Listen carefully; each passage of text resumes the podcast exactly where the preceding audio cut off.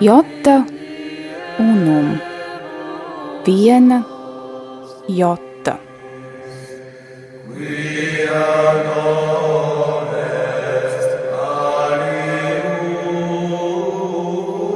Tradīcija Skaistums, kas paceļas pāri laikam. Skaistais ir patiess, skaistais ir labs.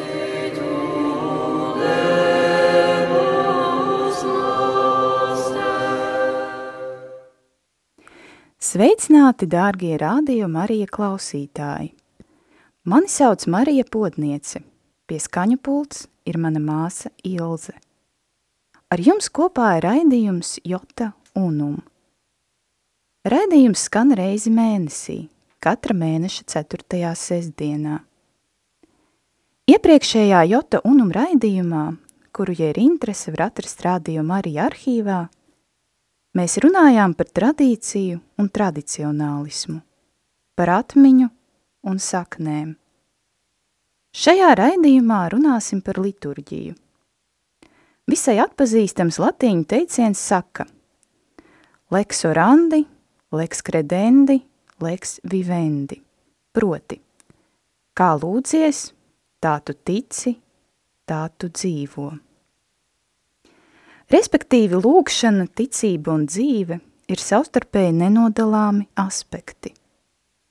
Šajā raidījumā apskatīsim lex orandi, jeb lūkšanas aspektu, liturģiju, to, kas parāda, kā mēs manifestējam savu ticību. Bet nu, laiks liriskajam ievadam. Internetā uzdūros kādam interesantam domu graudam par svēto misi, kas skan šādi.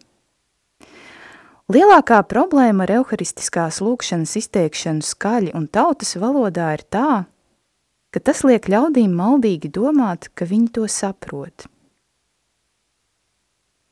Tātad šodien runāsim par mūsu sapratnes robežu, par tuvošanos dievišķajam caur liturģiju, par neiedomājamo atšķirību starp mums ierobežotām būtnēm un bezgalīgo dievu – vai mums ir jāsaprot, kas mums ir jāsaprot, un vai vispār tā īsti spējam saprast, uztvert notiekošo, stāvot noslēpuma, mistērijas priekšā. Lai to noskaidrotu, šeit Rādio Marijas studijā uz sarunu ir aicināts liturģikas speciālists. Un tā, no Liepājas mums gatavs pieslēgties priesteris Dominikāņu ordeņa tēvs Oskars Jabloņskis. Sveicināts tēv Oskar! Lai top slavēts Jēzus Kristus! Mūžīgi mūžos, lai ir slavēts! Tad, uh, sekojot mūsu raidījuma tradīcijai, sāksim ar nelielu iepazīšanos. Kas ir Oskars Jabloņskis? Kā jau pieminēji, esmu Dominikāņu ordeņa priesteris, konkrēti brālis, kurš vismaz atbildīgu personu acīs bija cienīgs kļūt par priesteri un mani ordinēja par priesteri. Tātad kalpoju primāri kā dominikānis, priesterība ir īpašs uzdevums, kuru, kā protu, tā centos īstenot. Mm -hmm. Esmu no Polijas, atbraucu uz Latviju 93. gadā. Tā gadījās, ka mm, bija man iespēja būt par pasniedzēju gan Latvijas Universitāte, Teoloģijas fakultāte, kad vēl dzīvoju Rīgā, gan arī Rārzi. Jā, un, tur es jūs redzēju, un arī man bija tas gods um, klausīties jūsu lekcijas. Uh, visiem, kam ir iespēja dzirdēt priesteri Oskaru, to jā, iesaku, tas ir tā vērts, jā, bet turpiniet lūdzu. Pasniedzu Rārzi jau vairāk kā 20 gadus faktiski. Mm, tā gadījās, ka bija man uzticēti ļoti dažādi priekšmeti, jo dažādi bija ar pasniedzējiem. Kopumā laikam 16 pasniedzu dažādus. Tas nozīmē diezgan liels spektrs, teiksim. Bet manas primārās lekcijas bija mana specialitāte, tā ir baznīcas sociālā mācība un ilgu laiku arī liturgika. Jā, tieši tādēļ jūs esat šeit. Uh, varbūt uh, pirms mēs iedziļinamies tēmā, varbūt um, atklājiet, kur jūs varat atrast internetā, jo mm, es arī esmu informēta, ka jums ir arī saits, kurā ir ļoti vērtīgas lietas. Varbūt par to mazliet. Jā, ir tādā lapā internetā, izveidota 2017. gadā. Tajā laikā es to lapu nepārāk reklamēju. Adrese ir www.ak.toms.deta.lv bet pietiek uzrakstīt ak toms un domāju, ka lapa parādīsies. Un es saprotu, ir par godu Akvīnas Tomam, vai nu tā kā Tā ir lapa veltīta principā Akvinas Tomā mācībai, bet atcerēsimies, ka Akvinas Tomā mācība ir oficiālā katoliskas baznīcas mācība. Tātad, ja zinām Akvinas Tomā domāšanu, ja zinām viņa tekstus, vismaz tādus svarīgākus, tad varam saprast arī, kā mēs darbojamies, kāds ir mūsu mērķis. Arī no tas lapas var uzzināt, kas ir Dievs, vismaz no daudz maz Un var uzzināt arī daudz, ļoti daudz par cilvēku, par to, kā mēs iekšēji darbojamies, kā mēs varam sevi attīstīt arī sakarā ar liturģiju. Lieliski, un tas atklāja tieši to, par ko mēs, tieši divus pirmos jautājumus um, jūs jau esat iesācis, jo iepriekšējā raidījumā es klausītājiem solīju atšifrēt mistisko latīņu vārdu salikumu, mysterium tremendum, Bet, lai to saprastu, vispirms mums jātiek galā ar jēdzieniem un definīcijām. Tātad man nāksies jautāt šo provokatīvo jautājumu, kas ir Dievs? Visīsāk sakot, Dievs ir garas. Tā ir visīsākā atbilde, bet mm latviešu valodā ar to garu mums ir dažādi. Jā, saucam, tas gan. Visu, ko mēs saucam par garu, ja? arī, arī pirtiņa ir garas. Jā, jā, jā, jā.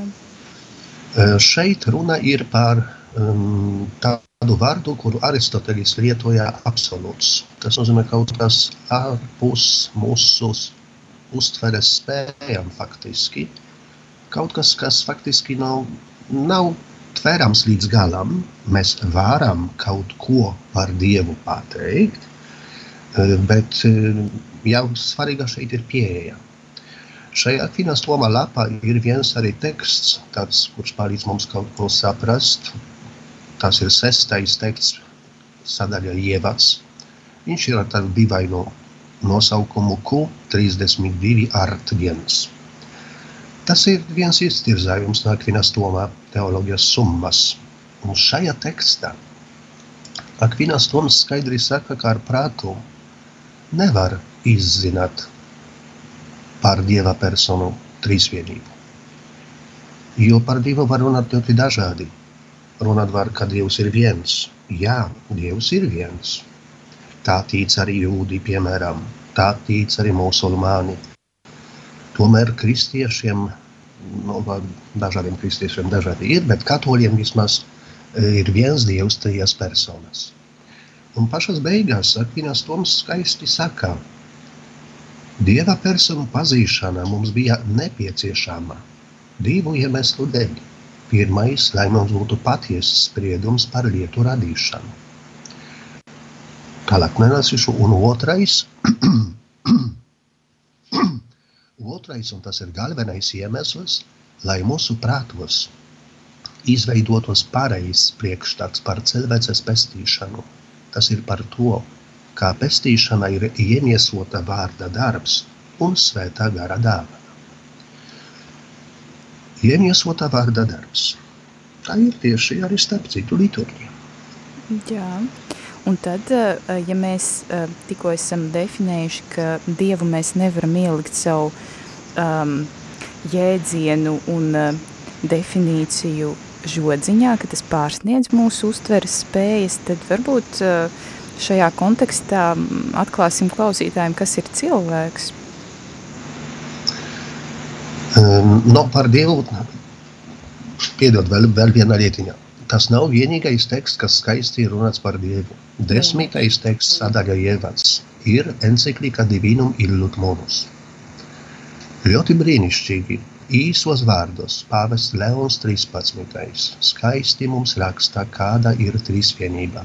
Par, ir sadaļiņa par trīsvienības noslēpumu, par vissvētākās trīsvienības kultu, par to, ka nav atsevišķu svētku Dievam Tēvam, nav atsevišķu svētku Jēzum iemiesotam vārdam, kā tādam ir tikai viņa sūtības visādiem aspektiem svētki. Tāpat arī nav nekādu svētku svētā garā godam. Svētā gara nosūtīšanas svētki ir tikai, nevis svētā gara svētki. Ir tikai vieni svētki vienai trīsvienībai. Trīsvienības svētki. Svētdiena pēc svētā gara nosūtīšanas svētki. Tā ir ļoti svarīga lieta, par kuru vienmēr vajag atcerēties, mm -hmm. paturēt to prātā. Tur tajā enciklikā arī ir rakstīts, kāpēc mēs runājam ka Tēvs ir Tēvs, Dēls ir Dēls, Svētais Gars ir Svētais Gars. Mēs piedēvējam šos nosaukumus, jo mūsu valoda ir tāda, kāda ir. Pat pāvests piemin tādu speciālu tehnisko apzīmējumu, apropriācija, kas ir ņemts no Akvinas Tomā tieši teoloģijas summas. Viss ir ļoti skaisti un īsā veidā paskaidrots. Es domāju, ka šo encikliku vajadzētu katram izlasīt. Labi, atgādiniet vēlreiz, kāda enciklika ir jālasa mūsu klausītājiem. Šajā interneta lapā jā. viņa atrodas sadaļā ievads. Jā, jā, bet varbūt nosaukumu vēlreiz lūdzu, lai cilvēki būtu viņi tagad ātri internetā, lai pārlūkā var ierakstīt, kas tad viņiem ir jāizlasa, kas būs obligātā VV... literatūra. www.ak.com toms, punkts, un tad ir deta.lv. Tas mhm. atrodas uz detas, firmas detas servera. Mm -hmm. Labi, labi. Un tad ir sadaļa ievads un desmitais teksts mm -hmm. divinum il. Labi, skaidrs. Uh, tu, jā. Daudz vairāk tekstu ir par Dievu. Jā, jā, neapšaubam. Jā, tas ir ļoti plaši, tāpēc, jā, jā, jā. jā. Ir galvenie, jā? Jā, jā. Jā, skaidrs. Tagad varam par to, kas ir cilvēks. Jā, jā uz otro daļu. cilvēks ir radībā. Dievs nav radība. Dievs ir absolūts, Dievs ir gars, kas dzīvo mūžībā. Mūžības definīcija ir no boēcija. Mūžība nozīmē, ka tev vienlaikus pieder viss vienlaikus pieder viss. Mums nepieder vienlaikus, mums pieder kaut kāda laika posma. Mēs kaut ko varam klausīties, piemēram, varam kaut ko saprast, var gadīties, ka kāds pateiks, ka kaut kas viņam ir jauns, kaut ko uzzināja, un viņam tas palīdz kaut ko tālāk saredzēt. Tā mēs mācāmies. Dievs nemācās. Mm -hmm. Dievs vienkārši ir un viņš vēl jau interesantāk, viņš visu laiku šo pasauli rada. Mēs sakām, Dievs radīja debesis un zemi, bet no teoloģiskā un filozofiskā aspekta Dievs rada, visu laiku rada, jo viņam ir tā mūžība. Mēs to ar prātu nespējam aptvert. Nu, jā, viņam jā. ir mūžība, viņš ir ārpus laika, ārpus telpas. Tieši tā, un tad varbūt šajā kontekstā uh, jau sākam virzīties uz misterium tremendum. Tātad mums ir šī neiedomājamā, praktiski nedefinējamā vienība Dievs, kas ir visa radītājs, kurš vienkārši ir, un tad mums ir cilvēks.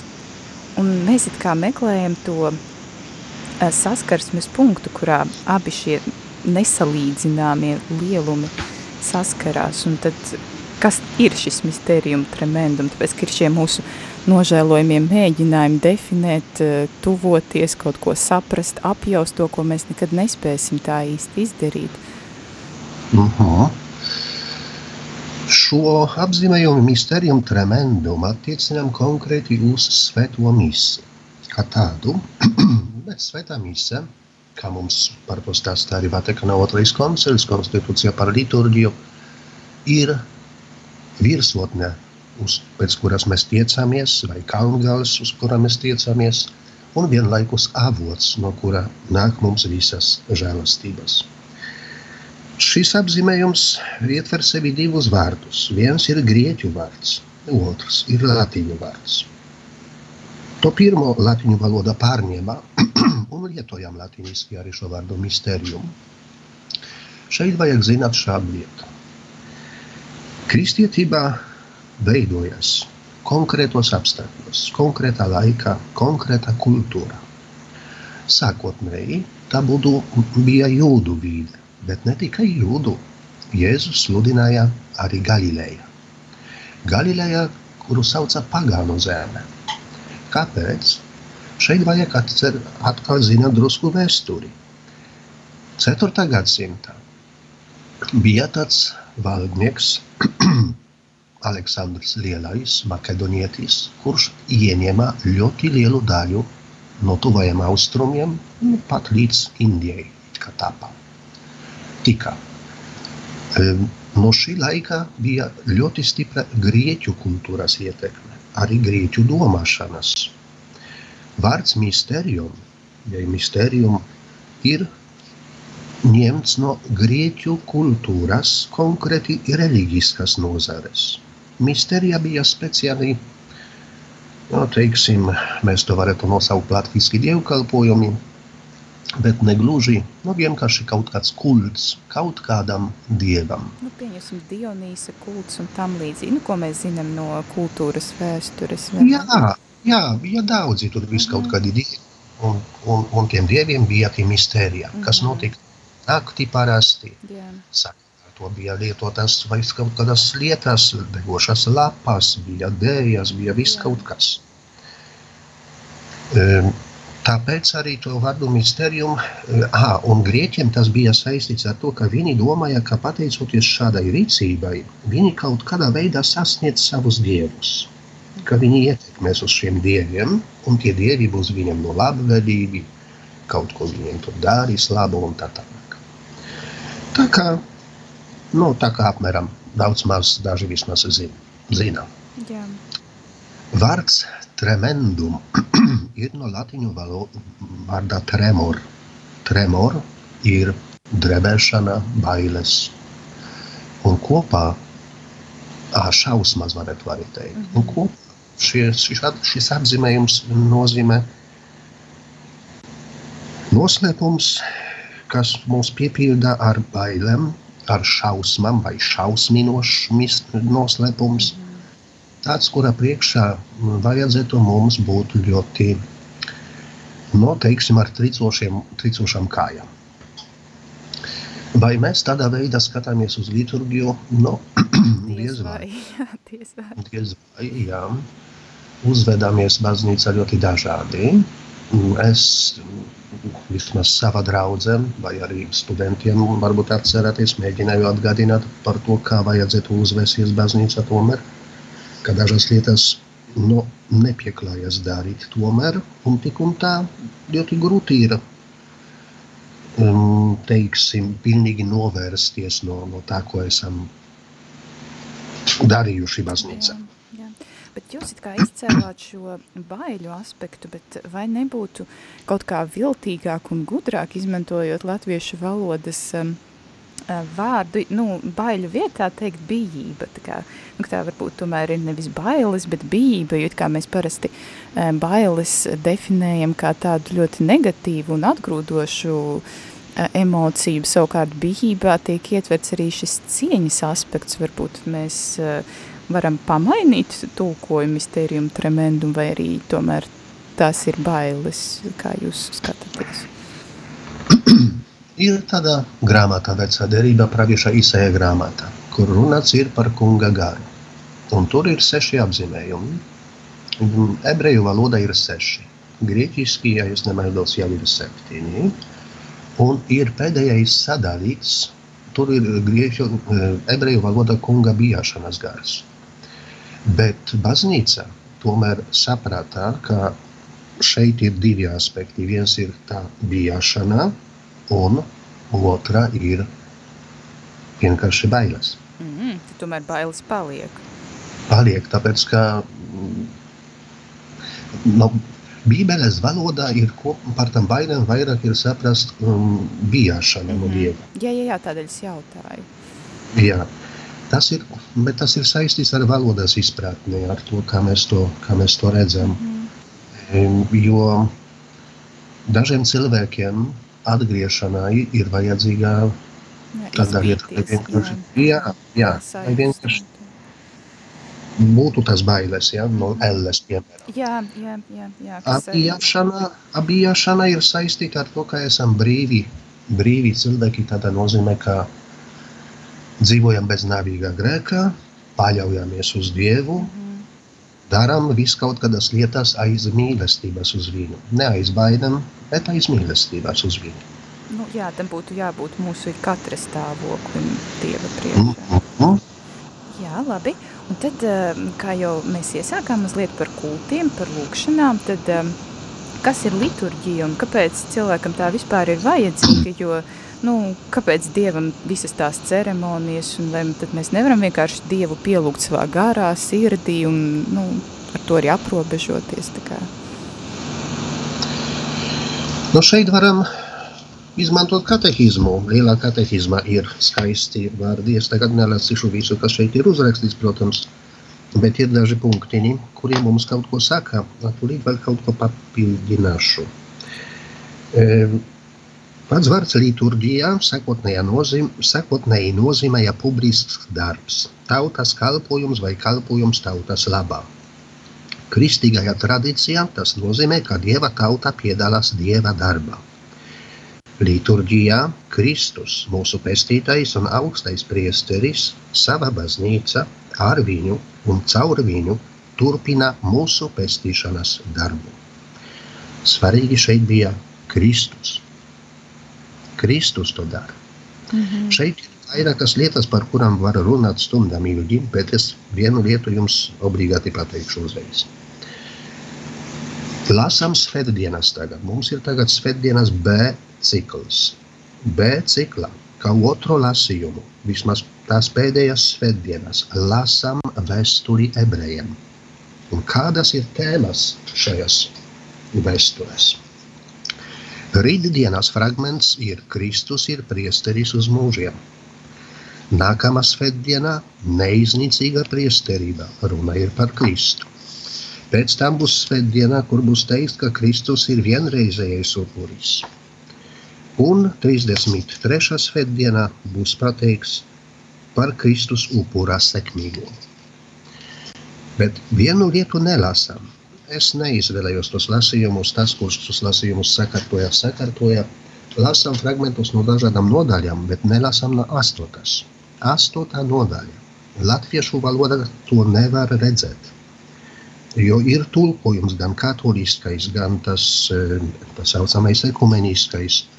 8. nodaļā, 2. panta un 6. panta ir teikts par kalpotāju.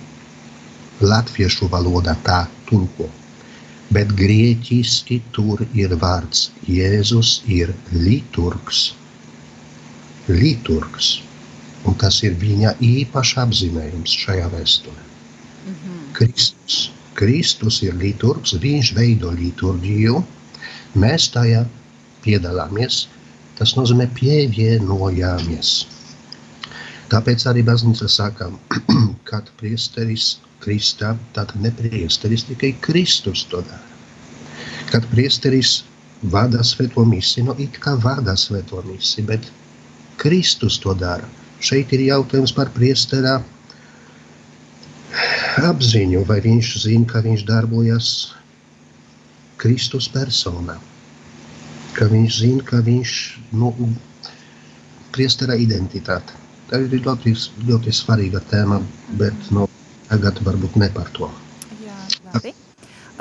Mazliet savā atbildē uz iepriekšējo jautājumu jūs jau pieskārāties Kristus upurim, un tad arī rodas šis jautājums, kas ir svētā mise, kā, vai svētā mise ir upuris? Ir arī upuris, katehisms mums dod vairākas, vairākus nosaukumus no svētās mis, svētajai misei. Šeit varam redzēt, ka katehizmā arī izlasīšu uzreiz. Euharistijā kungam ielās maizes laušana, euharistiskā svetsapulce, ko grieķiski sauc sinaksis, tad ir kunga ciešana un augšām celšanas piemiņā, tad ir svēto, par svēto upuri, tad par svēto un dievišķo liturģiju, visvētāko sakramentu, svēto noslēpumu, komuniju un tā tālāk. Mm -hmm. Bet Mums ir ļoti īsa atmiņā, un nevaram neko īpaši tur atcerēties. 26. parastā liturgiskā laika svētdienā. Es tikai piemēru došu. Tikai piemēru. Tas nozīmē trīs nedēļas atpakaļ. Nav nu, jau četras gandrīz. Bija lūkšana pēc komunijas. Tā saucamā komunijas lūkšana. Un šeit varam lasīt vienkāršus vārdus.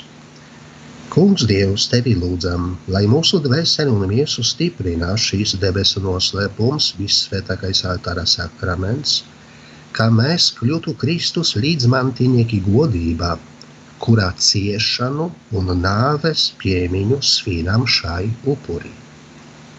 Konkrēti vārdi - ciešanu un nāves piemiņu. Šī lūkšana ir atrodama misā.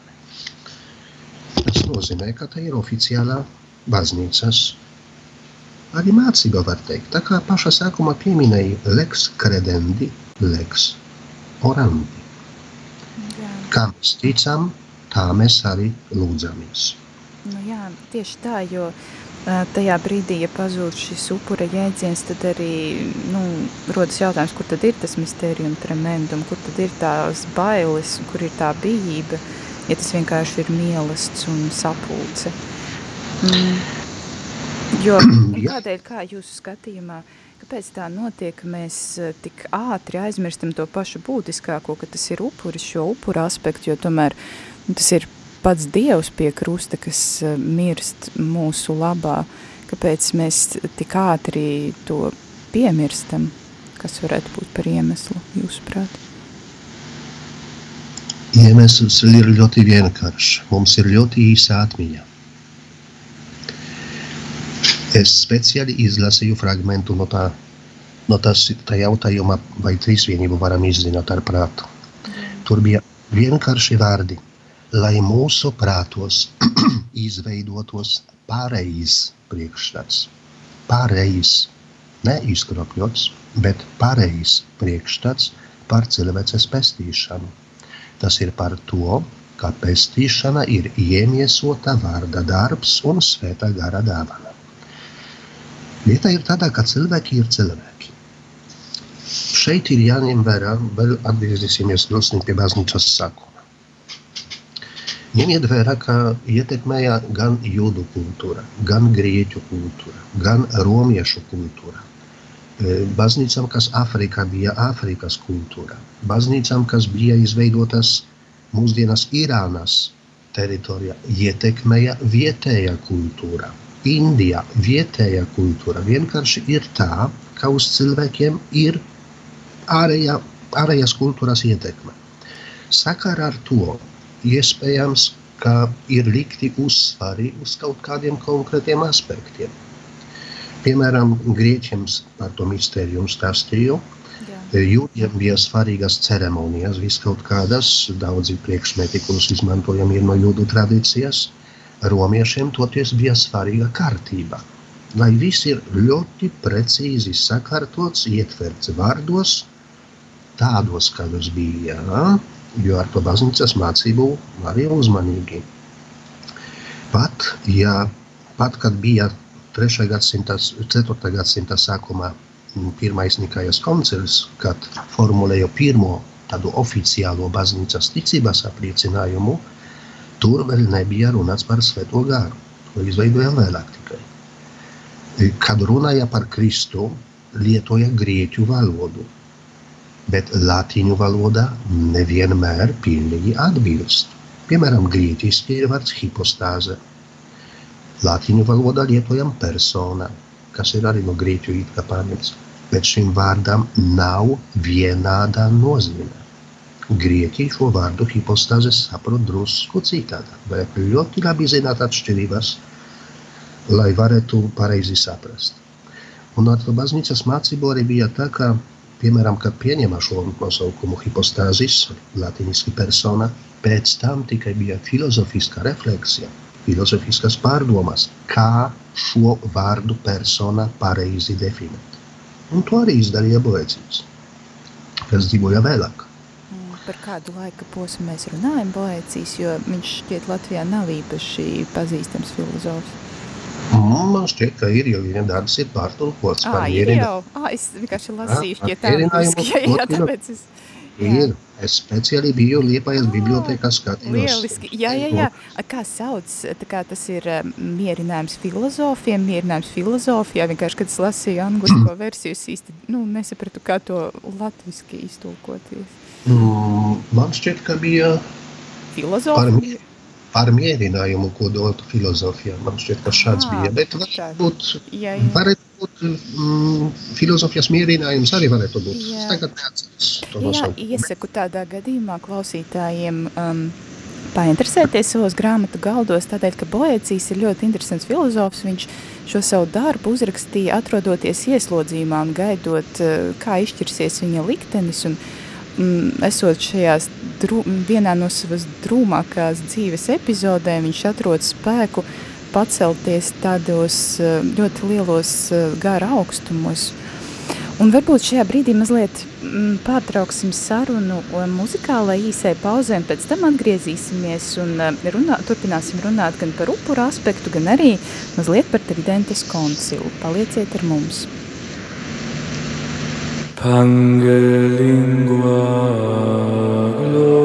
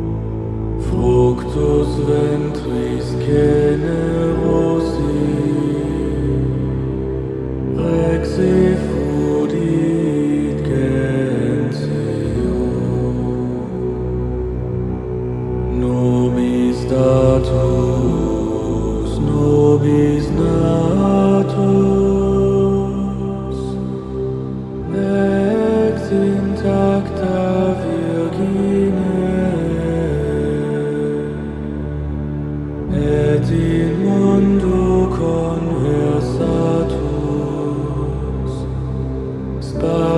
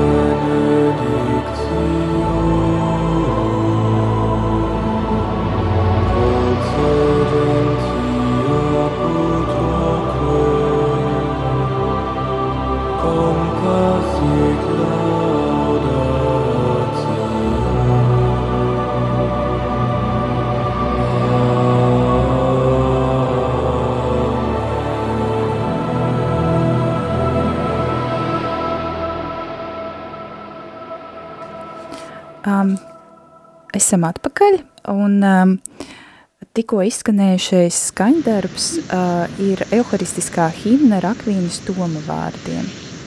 Uh, tāpat arī um, šajā brīdī es aicinu rādījumu arī klausītājus, kuriem iespējams ir radies kāds jautājums, komentārs. Uh, jūs varat droši no šī brīža zvanīt uz raidījuma Jota Unum un uzdot jautājumu tēvam Oskaram. Tātad tālruni studijā ir 67 969 131, vai arī, ja kautrējaties zvanīt, var sūtīt īziņas uz numuru 266 77 272. Bet mēs ar tēvu Oskaru atgriežamies pie uzsāktās sarunas, un, kā jau iepriekš teicu, Varbūt mazliet par Tridentes koncilu, kas ir tāds ļoti episks koncils, kur laiks, kurā viņš norisinājās, ir bijis ļoti garš, domāju, laika ziņā. Un Tridentes koncils ir koncils, kurš iepratīm reformācijai uzsver, ka svētā mise ir tieši upuris. Kamēr protestanti lieto jēdzienus svētā kopsapulce piemiņa. Un uh, Tad man ir jautājums tēvam Oskaram, kas tad īsti notiek konsekrācijas brīdī un kāpēc eh, bija tik ļoti svarīgi Tridentes koncilā, jo atgādināšu klausītājiem, Tridentes koncila norisināšanās laiks ir uh, laiks, kad baznīcai ir jāatbild uz Lutera maldiem un tieši tādēļ tiek definētas vairākas lietas, tad, jā, varbūt tēvs Oskar lūdzu m, paskaidrojiet, nu, protams, mums visiem tas ir jāzina no savām bērnības katehēzēm un tam līdzīgi, bet tomēr nekad nav par vēl atkārtot, kas notiek konsekrācijas brīdī svētajā misē. Sakšu tā, nesen, man šķiet, ka šogad vēl vai pagājušā gadā, bija veikta aptaujā starp katoļiem ASV. Starp katoļiem. 70% no tiem aptaujātiem, es nesaku, ka no visiem katoļiem, bet no aptaujātiem, 70% pateica, ka viņi netic tam, ka zem maizes un vīna zīmēm ir dzīvais Jēzus Kristus. Netic. 70% no aptaujātājiem. Nu, tas ir briesmīgi. Tas ir briesmīgi. Tas ir tikai ASV. Ja paskatītos arī dažas citas valstīs, varētu būt arī pārsteigtam. Jo šeit ir jautājums tieši par mūsu ticības vienu no pamatiem. Um, koncils atgādināja mācību, kura bija pieņemta jau 12. gadsimta, vēl pirms Toma parādījās šis jēdziens - transsubstanciācija. Mm -hmm. Šis jēdziens nozīmē, ka pārveidojas substance, Es tagad filozofisku lekciju nelasīšu. Jā, jā, bet varbūt paskaidrojiet, kas ir substance tomēr. Substance ir pamats, bāze, uz kuras viss ir. Tas nozīmē, o, attiecībā uz maizi, tas ir maiziskums, mm. pēdiņas. Tādā iezīmē nav latviešu, bet Nu, nu, jā, maizes. jā, bet Ārējās pazīmes ir tādas, kādas ir. Maizi mēs redzam tādu, kāda tā ir. Bet maiziskumu kā tādu mēs neredzam. Attiecībā uz vīnu, vīnišķu, vīnišķ, vīnišķumu vai Jā, vīnišķību arī jā, jā. neredzam. Tas ir tas pamats, kas tur apakšā ir. Un Transsubstanciācija tas ir jēdziens, kuru pēc tam Toms izmanto, kad skaidro par evaharistiju, par visvētāko sakramentu. Tas nozīmē, ka mainās tā substance, paliek ārējās pazīmes. Ir citas mācības, kuras ir piemēram protestantiem, kuras viņi mēģina arī mums piedāvāt katoļiem. Tā ir mācība par konsubstanciāciju. Tas nozīmē, ka blakus vienai substancei, tam maiziskumam un vīnišķumam, ir arī Kristus miesa un asinis. Tā ir samērā jauna. Nē, viņa jau bija agrāk, bet tagad viņa ir izvilktā atkal, lai, lai mēģinātu it kā mm, kaut ko piedāvāt katoļiem. Mēs turamies pie tās mācības, kura mums ir transubstanciācija. Tas ir pašapzīmējums, var teikt, tehniskais, bet tas ir mūsu apzīmējums.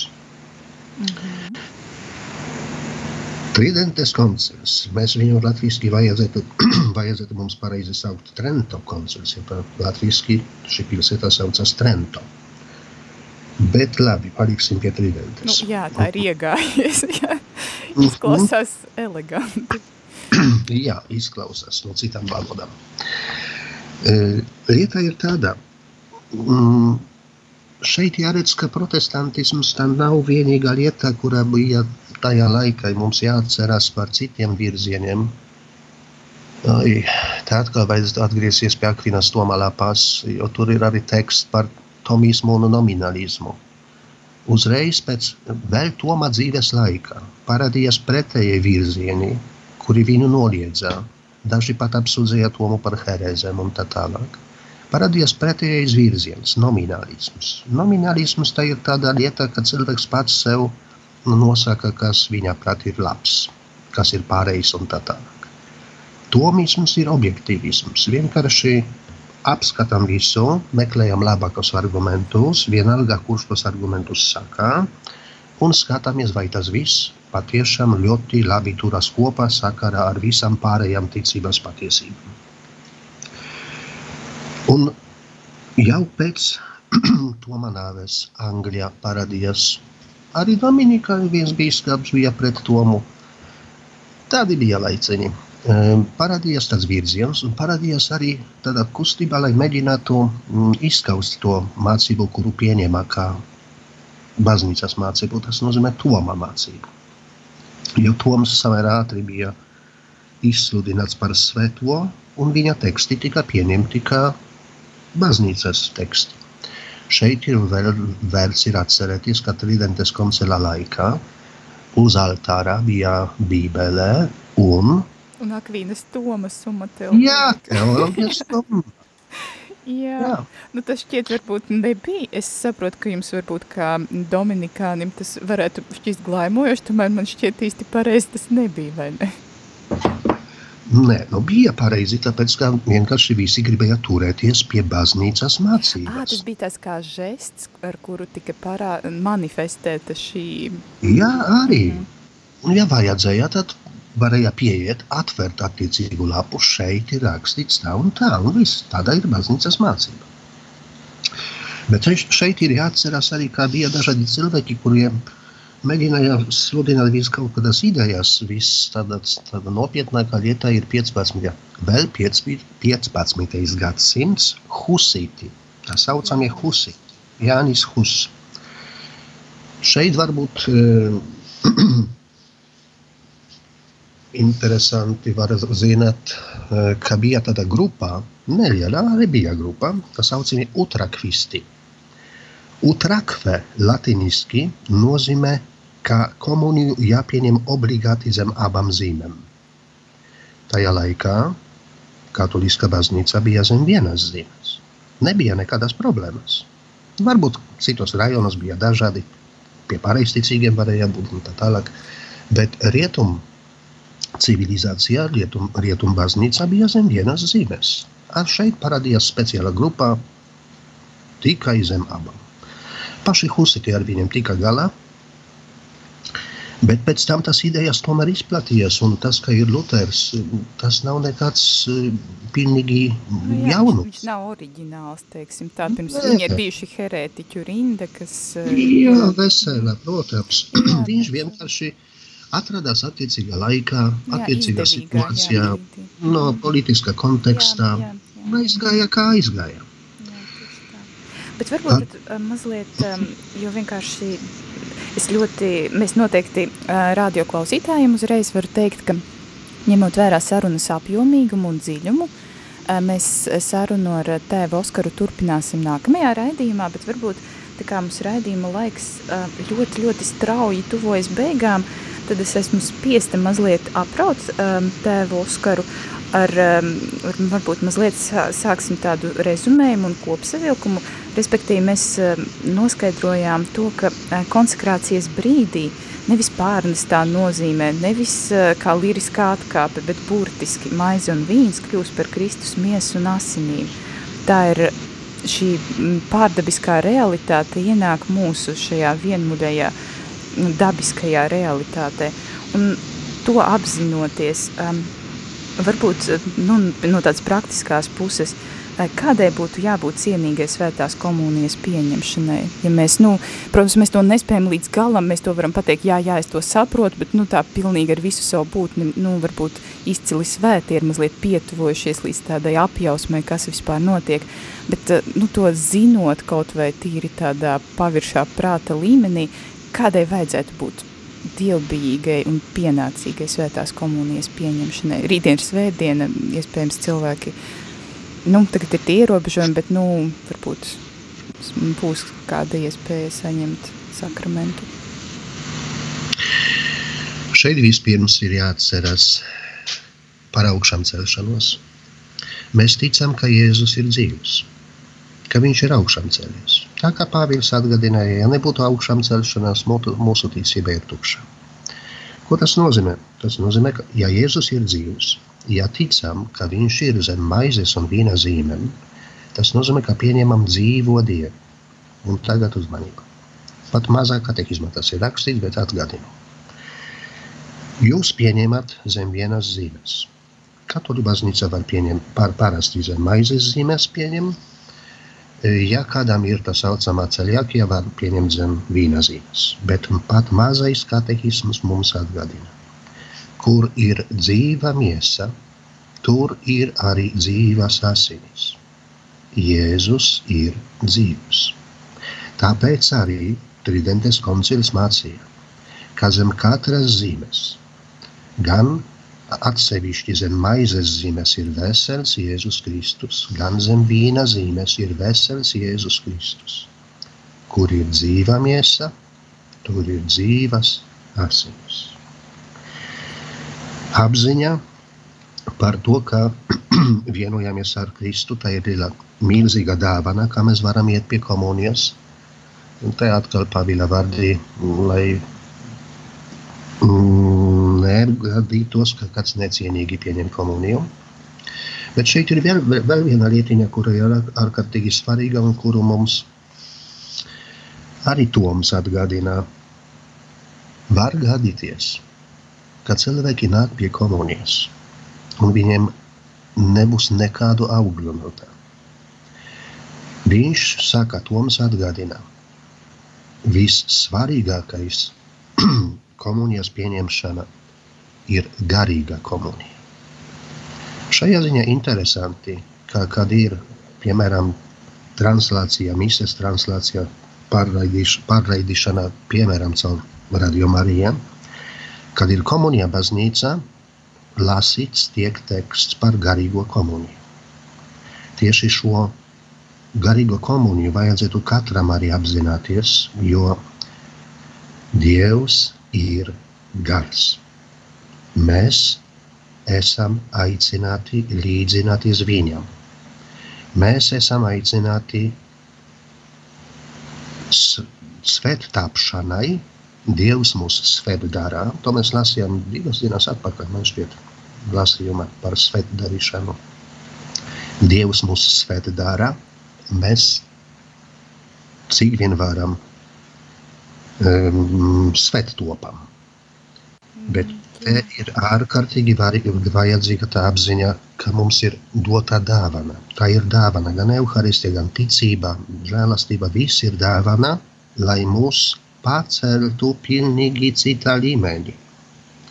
Jo mēs esam aicināti dzīvot kopā ar Dievu. Tāpēc arī par baznīcu runājam Kristus mistiskā miesa. Tas nozīmē garīgā miesa. Bet tomēr um, par spīti tam, ko jūs teicāt, Kristus tomēr miesā mm, nāca pie mums un miesas aspekts ir uh, neiedomājami būtisks un tādēļ uh, man šķiet, ka garīgā komunija būtu pieļaujama varbūt tiešām šajos vienīgi ekstremālajos gadījumos, nu, nonākot, pieņemsim, nezinu, mežoņu pilnā salā, kas ir ļoti izolēta no... Nu, neobligāti. Tikai Ziniet, mums ir tā, kā ir. Mums Latvijā taču nav tā, ka visiem ir iespēja nākt uz baznīcu. Ne tikai tāpēc, ka tagad ir tā situācija izsludināta.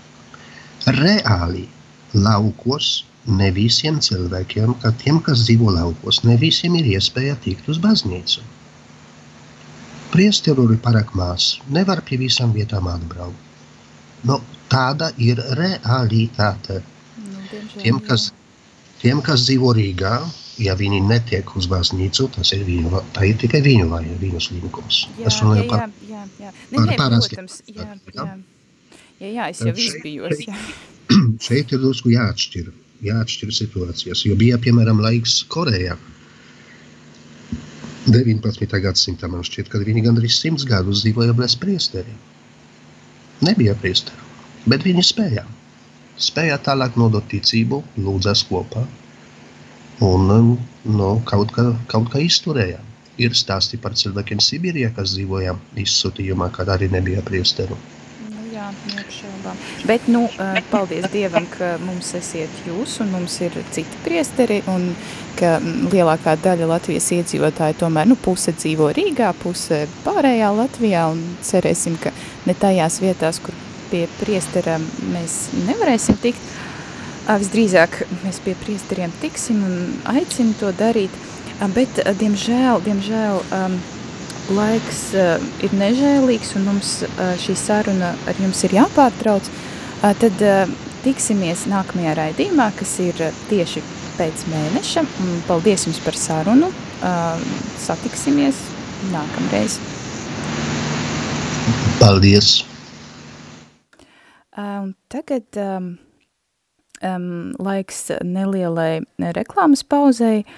Um, atvainojos tiem radio klausītājiem, kuri iespējams bija cītīgi atzīmējuši savos kalendāros um, rītdienu kā iespēju ierasties ogrē uz tradicionālo latīņu misi. Diemžēl rīt uh, tradicionālā latīņu mise nenotiks.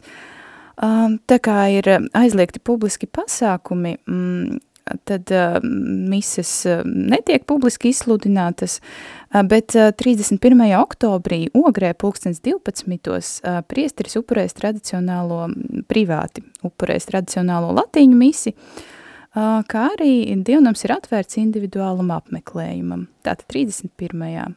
oktobrī. Tāpat visu aktuālo informāciju par tradicionālajām latīņu misēm mēs varam atrast un WhatsApp blogā. Ā, Tāpat raidījums Jota Unum atkārtoti atgādina, ka turpinās parakstu vākšana par tradicionālās ģimenes jēdzienu nostiprināšanu satversmē. Šī parakstu vākšana ir nepieciešams protests pret satversmes tiesas pagājušajā gadā pieņemto lēmumu, kurš pretrunā kristietībai un latviskajai dzīves ziņai mm, homoseksuāla savienība ir atzinis par ģimeni. Tādēļ, lai novērstu šo bezjēdzību, aicinām parakstīties. Ā, Tātad elektroniski to var izdarīt interneta vietnē latvija.lv, slīpsvītra PV, PV ir saīsinājums no parakstu vākšana, kā arī ir iespēja parakstīties pie zvērinātiem notāriem vai parakstīšanās vietās pašvaldībās. Tāpat vēlos pateikt paldies visiem tiem, kas atbalstīja savās lūkšanās, un tiem, kas klausījās uz sadzirdēšanos. Amen.